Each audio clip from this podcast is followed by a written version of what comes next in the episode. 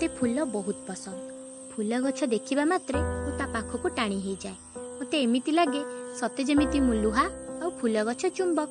ଫୁଲ ବଗିଚାରେ ଥିବାବେଳେ ମୁଁ ସତେ ପୁରାପୁରି ସମ୍ମୋହିତ ହୋଇଯାଇଥାଏ।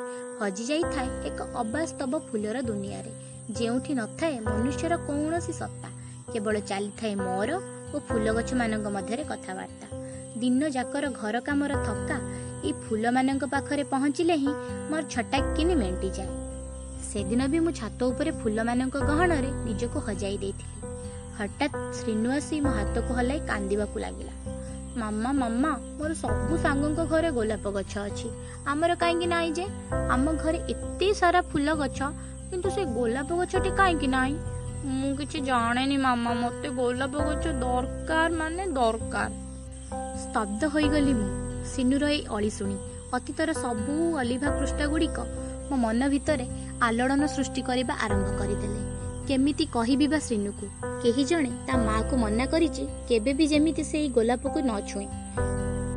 ପ୍ରକୃତିସ୍ଥ ହୋଇ ସିନୁକୁ କହିଲି ହଉରେ ଧନ ତୁ ବ୍ୟସ୍ତ ହଅନା। ମୁଁ ତ ବାପାଙ୍କୁ କହିବି ସେ ନେଇ ଆସିବେ ତୋ ପାଇଁ ଗୋଟେ ସୁନ୍ଦର ଗୋଲାପ ଗଛ। ହେଲା ଏବେ ଯା ଖେଳିବୁ। ଏମିତି କହି ମୁଁ ଶ୍ରୀନୁର ଅଝଟକୁ ସିନା ଶାନ୍ତ କରିଦେଲି କିନ୍ତୁ ମୋ ଅନ୍ତରରେ ଉଠୁଥିବା ସେହି ପ୍ରତିଶ୍ରୁତିର ଝଡ଼କୁ କିନ୍ତୁ ଶାନ୍ତ କରିପାରୁନଥାଏ। ଏବେ ବି ସେ ଦାଗ ସେମିତି ହିଁ ସତେଜ ଅଛି। ଯାହାକୁ ରାଜୀବ ଦେଇଯାଇଥିଲେ ସାରା ଜୀବନ ପାଇଁ।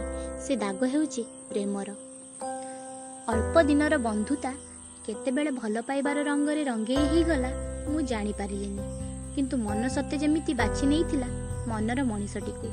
ଥରେ ରାଜୀବ ଓ ମୁଁ ଘର ପାଖ ଛୋଟ ଉଦ୍ୟାନରେ ବୁଲୁଥିଲୁ। ବୁଲୁ ବୁଲୁ ଏକ ସୁନ୍ଦର ଗୋଲାପ ଗଛର ମୋହରେ ମୁଁ ତା ପାଖକୁ ଚାଲିଗଲି। ସେ ଫୁଲକୁ ଧରିବା ପାଇଁ ଚେଷ୍ଟା କରୁ କରୁ ମୋ ଅସତର୍କତା କାରଣରୁ ଗୋଲାପର କଣ୍ଟା ମୋ ହାତରେ ଫୋଡ଼ି ହେଇଗଲା ଏବଂ ବହୁତ ଜୋରରେ ରକ୍ତ ବୋହିବାକୁ ଲାଗିଲା। ରାଜୀବଙ୍କୁ ଏହା ବୋଧେ ବହୁତ କଷ୍ଟ ଦେଇଥିଲା। ସେଥିପାଇଁ ସେଇଦିନ ହିଁ ସେ ଏକ ପ୍ରତିଜ୍ଞା କରାଇ ନେଲେ ମୋଠୁ ଯେମିତିକି କେବେ ମୁଁ ଗୋଲାପ ଗଛକୁ ନ ଛୁଏଁ ଦିନ ପରେ ଦିନ ଗଡ଼ି ଚାଲିଲା। ଘରେ ପୁଅ ଖୋଜା ଆରମ୍ଭ କରିଦେଇଥିଲେ। ମୁଁ ଅନେକ ଥର ଚେଷ୍ଟା କଲି ଘରେ କହିବା ପାଇଁ।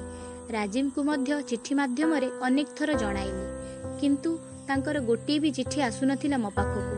ସେ ଦେଇଥିବା ବିବାହର ପ୍ରତିଶ୍ରୁତି ଅପେକ୍ଷାର ବହ୍ନିରେ ଧୀରେ ଧୀରେ ଜଳିବାକୁ ଆରମ୍ଭ କରିଦେଇଥିଲା। ହଠାତ୍ ଦିନେ ଏକ ଚିଠି ଆସିଲା ରାଜୀବଙ୍କ ପାଖରୁ। ସେଇ ଗୋଟିଏ ଚିଠି ଯଥେଷ୍ଟ ଥିଲା ଅପେକ୍ଷାର ବହ୍ନିରେ ପାଣି ଢାଳିବା ପାଇଁ।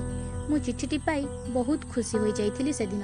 କିନ୍ତୁ ଯେତେବେଳେ ଚିଠି ଖୋଲି ପଢ଼ିଲି ସେଥିରେ ଲେଖା ଥିଲା ପ୍ରିୟ ଅନନ୍ୟା ମୋତେ କ୍ଷମା କରିବ। ତୁମେ ଅନେକ ଚିଠି ଲେଖିଛ ମୋ ପାଖକୁ କିନ୍ତୁ ମୁଁ କୌଣସିର ପ୍ରତି ଉତ୍ତର ତୁମକୁ ଦେଇନି। ମୁଁ ତୁମକୁ ସତରେ ବହୁତ ଭଲ ପାଉଥିଲି ଅନନ୍ୟା। ପରିସ୍ଥିତି ଏମିତି ହେଲା ଯେ ମୁଁ ତୁମକୁ ଜୀବନସାଥୀ କରିବାର ପ୍ରତିଶ୍ରୁତି ମୁଁ ରଖିପାରିଲିନି। ମୁଁ ଏବେ ଅନ୍ୟ କାହାର ସ୍ୱାମୀ ହେଇ ସାରିଲିଣି। ମୁଁ ସିନା ମୋ ପ୍ରତିଶ୍ରୁତି ରଖିପାରିଲିନି କିନ୍ତୁ ତୁମେ ମୋତେ ଏକ ପ୍ରତିଶ୍ରୁତି ଦିଅ ଯେପରିକି ତୁମେ କେବେ ବି ଆଉ ମୋତେ ଚିଠି ଲେଖିବନି। ସୁଖରେ ଘର ସଂସାର କରି ଖୁସିରେ ରହିବ। ଇତି ରାଜୀବ। ଆଉ ସେଇ ଚିଠି ହିଁ ମୋ ଜୀବନର ମୋଡ଼କୁ ସବୁଦିନ ପାଇଁ ବଦଳାଇ ଦେଇଥିଲା। ମାମା ମାମା ବାପା ଆସିଲେଣି ତଳକୁ ଆସ। ସିନୁର ଡାକ ଶୁଣି ମୁଁ ନିଜକୁ ଅତୀତର ପୃଷ୍ଠାରୁ ବର୍ତ୍ତମାନର ପୃଷ୍ଠାକୁ ଫେରାଇ ଆଣିଲି। ଜଣେ ଭଲ ବୋହୂ ସ୍ତ୍ରୀ ଏବଂ ମା ହେବାର ପ୍ରତିଶ୍ରୁତିକୁ ପାଳନ କରିବାରେ ପୁଣି ଲାଗି ପଡ଼ିଲି